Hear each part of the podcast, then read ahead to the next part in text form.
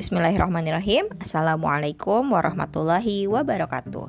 Kali ini Ustazah akan membacakan kepada antum semua Sebuah cerita pendek yang nanti akan antum dengarkan Simak dengan baik. Kemudian setelah itu nanti akan antum ceritakan dengan singkat isi ceritanya.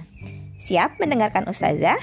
Baik, Ustazah mulai ya Judulnya adalah Membuat Kue Apam.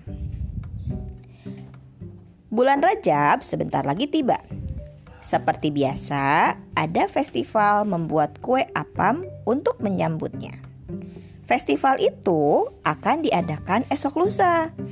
Abdul dan teman-temannya sudah tidak sabar ingin membuat apam buatan ibu-ibu mereka.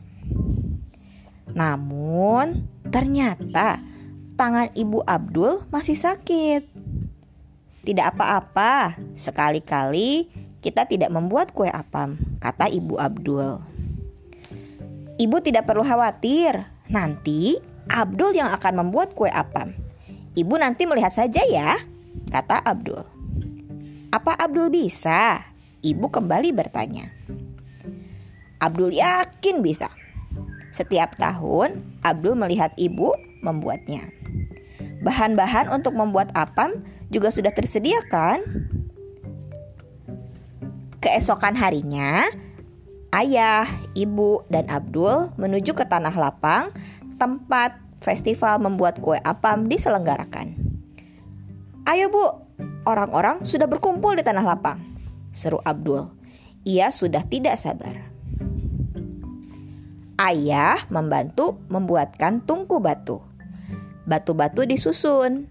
Apinya berasal dari daun kelapa kering yang dibakar. Abdul rasa membuat apam itu tidak sulit. Pertama-tama Abdul harus mencampur tepung beras dan santan. Ibu duduk saja, biar Abdul yang mengaduknya. Hati-hati Abdul, kata ibu. Hanya mengaduk begini, begini, dan begini tentu mudah bagi Abdul. Abdul, pelan-pelan, ibu berseru. Ibu tenang saja, jangan khawatir. Abdul berusaha meyakinkan ibu. Oh, eh, kenapa adonan tidak menetes lagi? Itu justru bagus, kata ibu. Berarti adonan sudah mengental. Sekarang tutup agar cepat matang. Abdul harus menunggu kue apa matang. Hmm, apa ya yang seharusnya ia kerjakan? Abdul berjalan-jalan dan melihat sekeliling. Wah, kelihatannya Abdul adalah koki paling cilik di festival ini.